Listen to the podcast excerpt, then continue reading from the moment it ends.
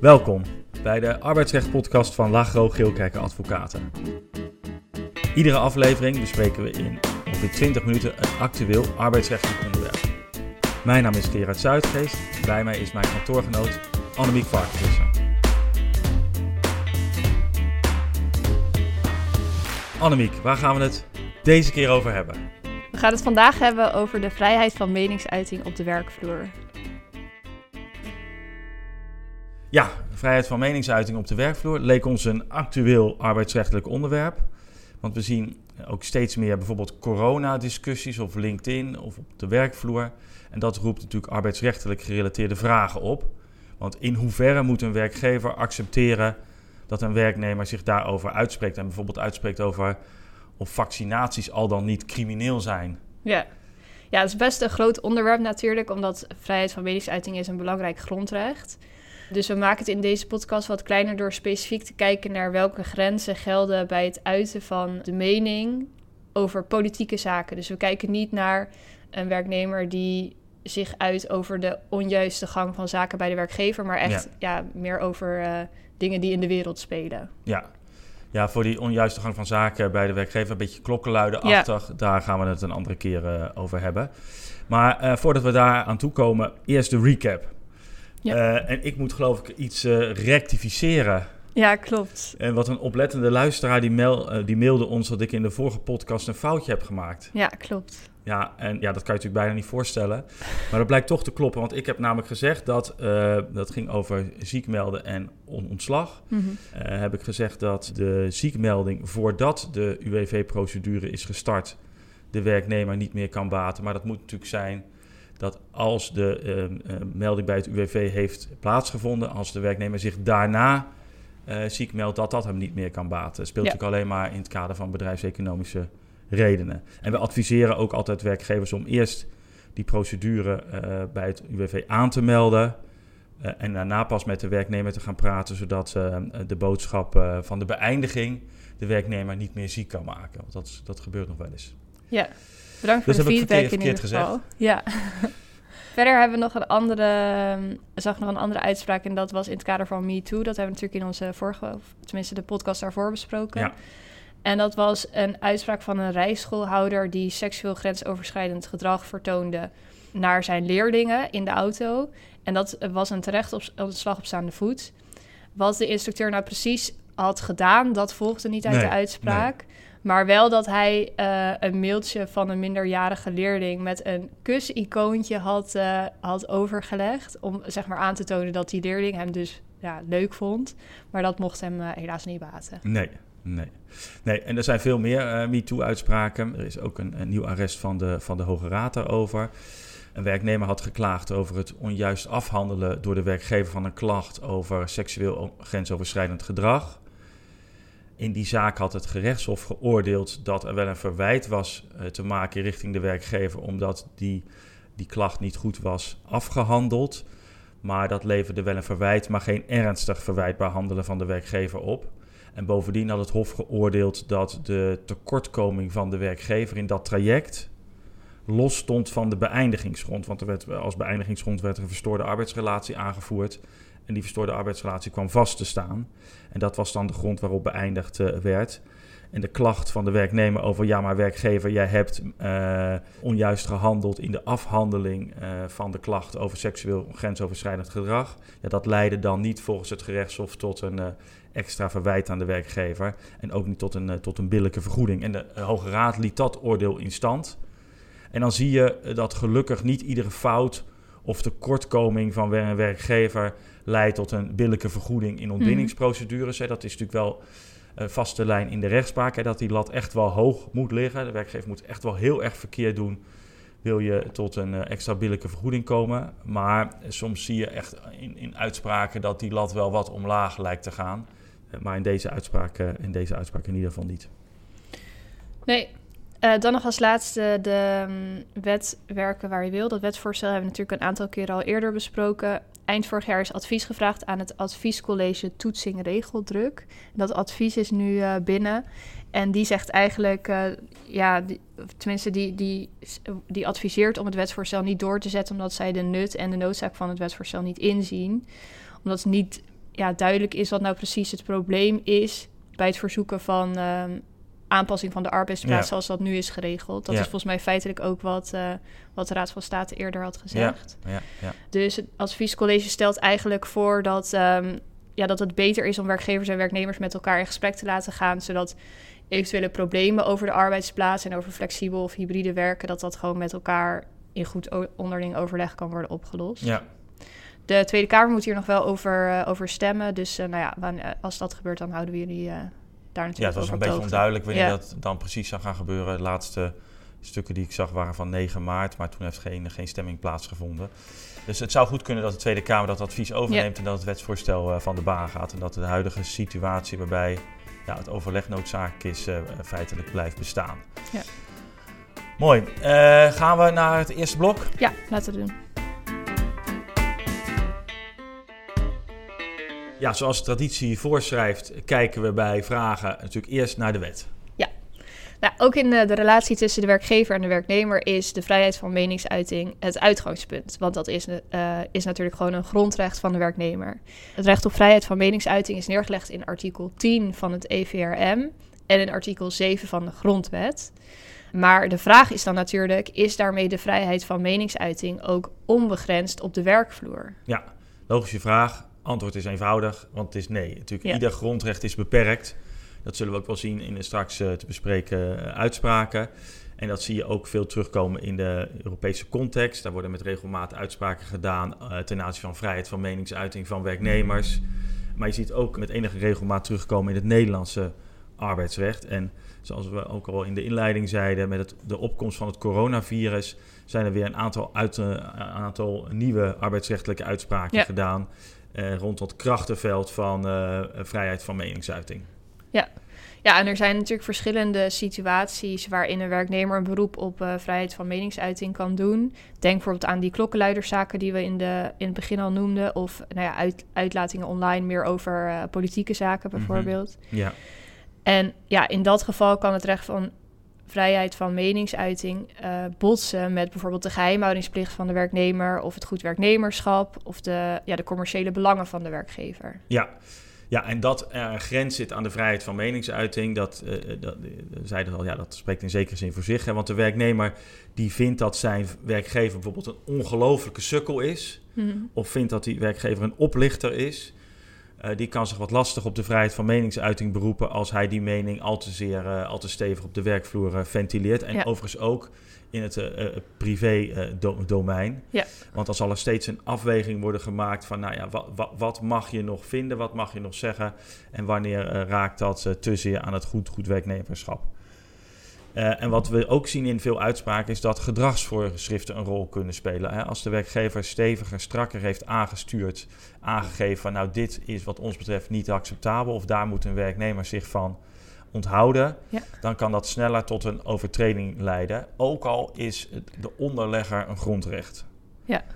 Ja, en uit de rechtspraak van het Europese Hof volgt dan vier eh, aspecten die overwogen moeten worden bij de beoordeling van de vrijheid van meningsuiting in de arbeidsrelatie. De eerste is de aard van de meningsuiting. De tweede de motieven van de werknemer. De derde de schade die de werkgever door de, ja, door de uitingen van de werknemer leidt. En de vierde, de laatste, is de zwaarte van de opgelegde sanctie. Is die sanctie dan passend? Ja, moet dan in verhouding blijven. Ja, precies. En nou ja, die, die, ehm, ja, die omstandigheden zie je eigenlijk ook terugkomen in de Nederlandse rechtspraak. Ja, maar uit die criteria volgt natuurlijk naar zijn aard al hè, dat, die, dat er geen sprake is van onbegrensdheid, maar Nee. dat, dat, dat in de botsing van de verschillende eh, rechten en plichten, dat daar in, in het individuele geval een afweging moet worden gemaakt. Ja. Nou, in het volgende blok kijken we naar een aantal recente uitspraken bij, waarbij deze criteria worden toegepast, zodat we meer ja, precies kunnen kijken waar nu die grenzen van de vrijheid van meningsuiting eh, liggen. Ja. Ja, de vraag die we dus die in blok 1 ligt is: waar liggen de grenzen precies? Vrijheid van meningsuiting ten opzichte van bijvoorbeeld goed werknemerschap. Ja, dat is natuurlijk heel casuïstisch. Ehm, maar we kijken dan in dit blok naar verschillende uitspraken om te zien waar nou precies eh, die grens ligt. Of om dat in ieder geval wat beter te Ja. kunnen duiden. We pakken er vier. Ja, de eerste uitspraak die we bespreken gaat over een IC-verpleegkundige. Die heeft een, op een gegeven moment een interview gegeven aan de pers over, ja, over het coronabeleid eigenlijk. En in dat interview heeft hij uh, nou, bepaalde uit uitlatingen gedaan. En de werkgever vond dat dat in strijd was met het geheimhoudingsbeding. De werknemer deed beroep op, het, uh, op de vrijheid van meningsuiting. En de rechtbank overweegt dan eigenlijk nou, het feit dat hij het interview heeft gegeven en uh, bepaalde uitlatingen heeft gedaan over het coronabeleid, is op zichzelf mag dat. Ja, niet zodanig dat dat niet in het openbaar mocht. Nee, precies. Dus dat, dat mocht hij in principe doen op basis van de vrijheid van meningsuiting. Maar omdat de werknemer ook over drie specifieke patiënten heeft gesproken. Weliswaar heeft hij geen namen genoemd, maar het was wel uiteindelijk te herleiden wie die patiënten waren. Ja. En hij heeft voor die patiënten ook nog de vaccinatiestatus opgezocht in het systeem. En daarover heeft hij uitlatingen gedaan. En dat was volgens de rechtbank wel onacceptabel. En in strijd met de geheimhoudingsverplichting die hij had. Ja. Dus uiteindelijk uh, wordt de arbeidsovereenkomst ontbonden uh, vanwege, vanwege verwijtbaar handelen. Maar het is volgens de rechtbank niet ernstig verwijtbaar handelen. Dus de transitievergoeding van 75.000 euro moest wel gewoon worden betaald. Ja, ondanks het feit dat, dat uh, gedragscode was geschonden. Ja. En geheimhoudingsplicht was overtreden. En die vaccinatiestatus eigenlijk illegaal was opgezocht ja. door, door de, de werknemer. Ja. ja, je ziet dan wel dat, en dat, dat speelt ook in die zaak, dat de gedragsregels die de werkgever stelt van belang kunnen zijn. Ja. En dat werkgevers middels zo'n gedragscode wat striktere eisen kunnen stellen aan werknemers in het licht van de uh, vrijheid van meningsuiting. Uh, dan direct uit het wettelijk kader voortvloeit. En ik verwacht ook dat veel werkgevers nog eens een keertje naar hun gedragscode zullen kijken. Zeker als ze daar al een ongelukkige ja. ervaring mee hebben gehad. Want er, zijn, er is veel spanning op de werkvloer rondom corona. Dat gaat er nu natuurlijk gelukkig van af, omdat de maatregelen opge worden opgeheven. Maar er zal misschien vast nog wel weer een keer een nieuwe crisis komen. En vooruitdenken is in dit soort trajecten denk ik heel, heel goed. Dus het is denk ik verstandig om die gedragscode nog eens tegen het licht te houden. Ja.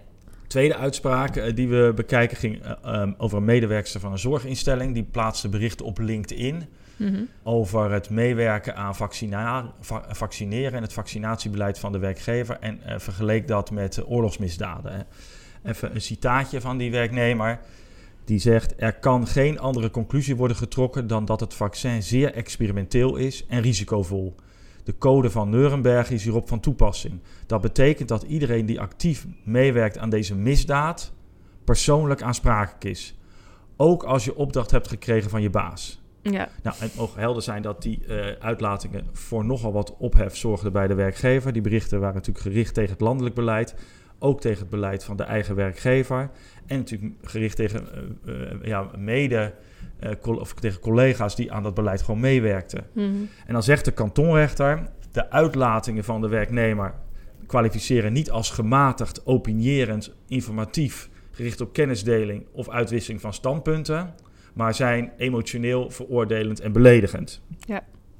En dan zegt de rechter, terecht denk ik, dat de werknemer daarmee een grens heeft overschreden en de inhoud kwetsend is voor collega's. En die uh, collega's die gewoon in het kader van hun functie aan het vaccinatietraject meewerkten. En deze uitlating had de werknemer dan ook als goed werknemer niet publiekelijk mogen maken. En daarbij speelde ook volgens de kantonrechter nog een rol dat ze dat op een zakelijke platform LinkedIn heeft gedaan. En waar ook duidelijk bij was te zien dat zij bij een zorginstelling werkte. Ja. Ook daar geldt, uh, wordt ontbonden op uh, de E-grond, verwijtbaar handelen. Ook daar zegt de kantonrechter, ja, het is wel verwijtbaar, maar niet zodanig verwijtbaar dat het als ernstig verwijtbaar uh, geldt. Dus wel transitievergoeding, geen billijke vergoeding. Ja. ja, dus hier zie je eigenlijk dat een belangrijk verschil is tussen um, bij het beroep doen op vrijheid van meningsuiting, dus tussen het daadwerkelijk uiten van je zorgen en aan de andere kant het doen van veroordelende of beledigende uitingen over een bepaald beleid. Ja, ja. je hebt volgens mij nog een uitspraak over ja. veroordeling, uh, uh, veroordelend taalgebruik. Klopt, dat ging over een werknemer van Greenpeace en die had op Facebook stevige uitlatingen over de protesten in Hongkong uh, geplaatst. En nou ja, bepaal, of, een aantal citaten daarvan. All separatists should go to jail. Show no mercy to mobs time to kick some asses. We've been too nice to these uh, Hong Kong terrorists for too long. All of them should burn in hell. pittig. Ja, dus dat is wel duidelijk taalgebruik. En uh, Greenpeace die, uh, nou, die accepteerde dat natuurlijk niet. En uh, die had aangevoerd dat, dat, haar, ja, dat die uitlatingen haak stonden op de kernwaarden van Greenpeace. En daarbij speelde ook dat in de Code of Conduct van Greenpeace heel duidelijk stond dat je je ja, in de uitvoering van je functie professioneel moest gedragen. En nou ja, ook, ook bepaalde zinnen als dat um, bij Greenpeace de werknemers non-violent waren. Ja, ja. Nou goed, dus dat, dat past totaal niet bij elkaar. Dus uiteindelijk vond de rechtbank ook dat, uh, dat de werknemer in strijd met goed werknemerschap had gehandeld en verwijtbaar had gehandeld. Dus werd de arbeidsovereenkomst op de E-grond ontbonden. Maar ook hier werd de transitievergoeding wel toegekend. Ja, het was natuurlijk een uiting gewoon niet, op, niet direct op een, een, een zakelijk medium, maar eigenlijk gewoon in de, in de privéomgeving van de werknemer. Toch leidt dat tot uh, beëindiging van de dienstbetrekking. Ja. En we mochten het beroep op uh, uh, vrijheid van meningsuiting niet baten. Nou, de laatste dan, hè, want er ontstaat al denk ik wel een beeld. Ja. zeer recent voorbeeld, gaat weer over corona. Een lid van een directie van een onderneming, internationale onderneming, die geloofde niet in de coronaregels. Ging daarover regelmatig discussies aan met collega's werd schriftelijk gewaarschuwd daarvoor uh, januari 2021. Lange tijd ging het dan beter, hield hij zich in. Maar begin 2022, in het kader van de, ja, de blokkades in Canada met, met vrachtwagenchauffeurs, stuurde hij een mailtje aan de relatie van werkgever in Canada. Uh, dat de vaccinatieplicht crimineel was en dat die relatie daaraan dus medeplichtig was. En werknemer beriep zich vervolgens toen, het, uh, toen de werkgever zei... Nou, nou gaan we maar stoppen met je op de vrijheid van meningsuiting. En de kantonrechter begint natuurlijk met te melden... nou, natuurlijk komt de werknemer het recht op vrije meningsuiting toe... maar uh, dat betekent niet dat de werkgever niet van hem mag vragen zelfs mag eisen dat hij zijn uitgesproken opvattingen rondom corona niet steeds aan de orde stelt. En zeker niet extern. Dus met andere woorden, een werknemer moet zich matig, moet zich inhouden. Mhm. En dan mag de werkgever ook vragen. En werknemer, uh, zeker met dit niveau van, van deze man, hè, de directie, daar mag van worden verwacht dat hij zich realiseert dat een e-mail met de inhoud en toon zoals genoemd, dat die, uh, waarbij de uh, geadresseerde persoonlijk ter verantwoording uh, wordt geroepen, dat dat volstrekt onacceptabel is volgens de kantonrechter, strijd met goed werknemerschap. Nou, ook hier hè, ontbinding op de E-grond, verwijtbaar handelen, geen ernstig verwijtbaar handelen, wel transitievergoeding, geen billijke vergoeding. Transitievergoeding was overigens 256.000 euro. Ja, dat is een flink bedrag. Dus ja, waar ligt hier nou de grens? Hè? De grens voor de beëindiging en de grens van uh, ernstig verwijtbaar handelen. Ja. Dat is natuurlijk van geval tot geval. Ja. Maar kan je er iets, al meer, kan je er iets meer dan dat van zeggen? Ja, er zijn eigenlijk twee vragen te onderscheiden. De eerste is, is uh, beëindiging mogelijk? En de tweede is, moet de transitievergoeding dan ook nog worden betaald? Mm -hmm. En bij de eerste vraag is het denk ik, ja, ligt de grens eigenlijk bij, heeft de werknemer oprechte zorgen? En uit hij die zorgen ook op een correcte manier. Ja.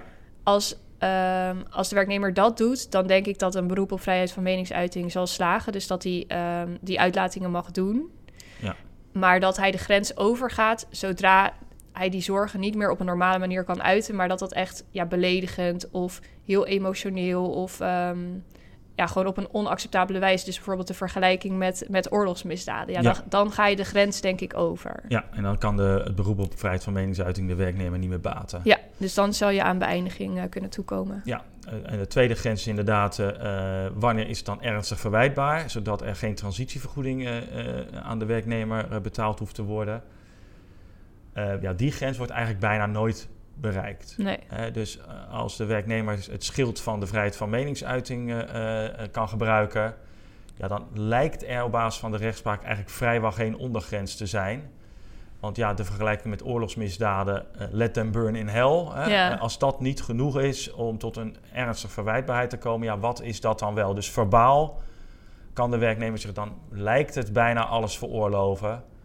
Uh, uh, terwijl die dan toch nog het recht op de transitievergoeding uh, behoudt. Ja.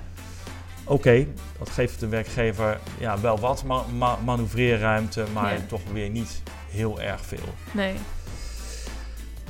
Waar gaan we het de volgende keer over hebben? De volgende keer gaan we het hebben over de mogelijkheid om uh, de arbeidsvoorwaarden te wijzigen. Hartstikke mooi. Tegen de zin van de werknemer in natuurlijk. Ja, want al- precies. Je kan alles overeenkomen. Ja, ja, ja, eenzijdig te wijzigen. Ja, oké. Eh, hartstikke goed. Volgende keer dat. Ehm, Bedankt voor het luisteren. Vergeet ons niet eh, te volgen en te liken. Misschien zelfs eh, een review achter te laten. Zeker. Als je een opmerking hebt over de inhoud, kan je die ook melden bij podcast.lgga.nl. En ook ik zeg dank voor het luisteren. Tot de vol- volgende keer.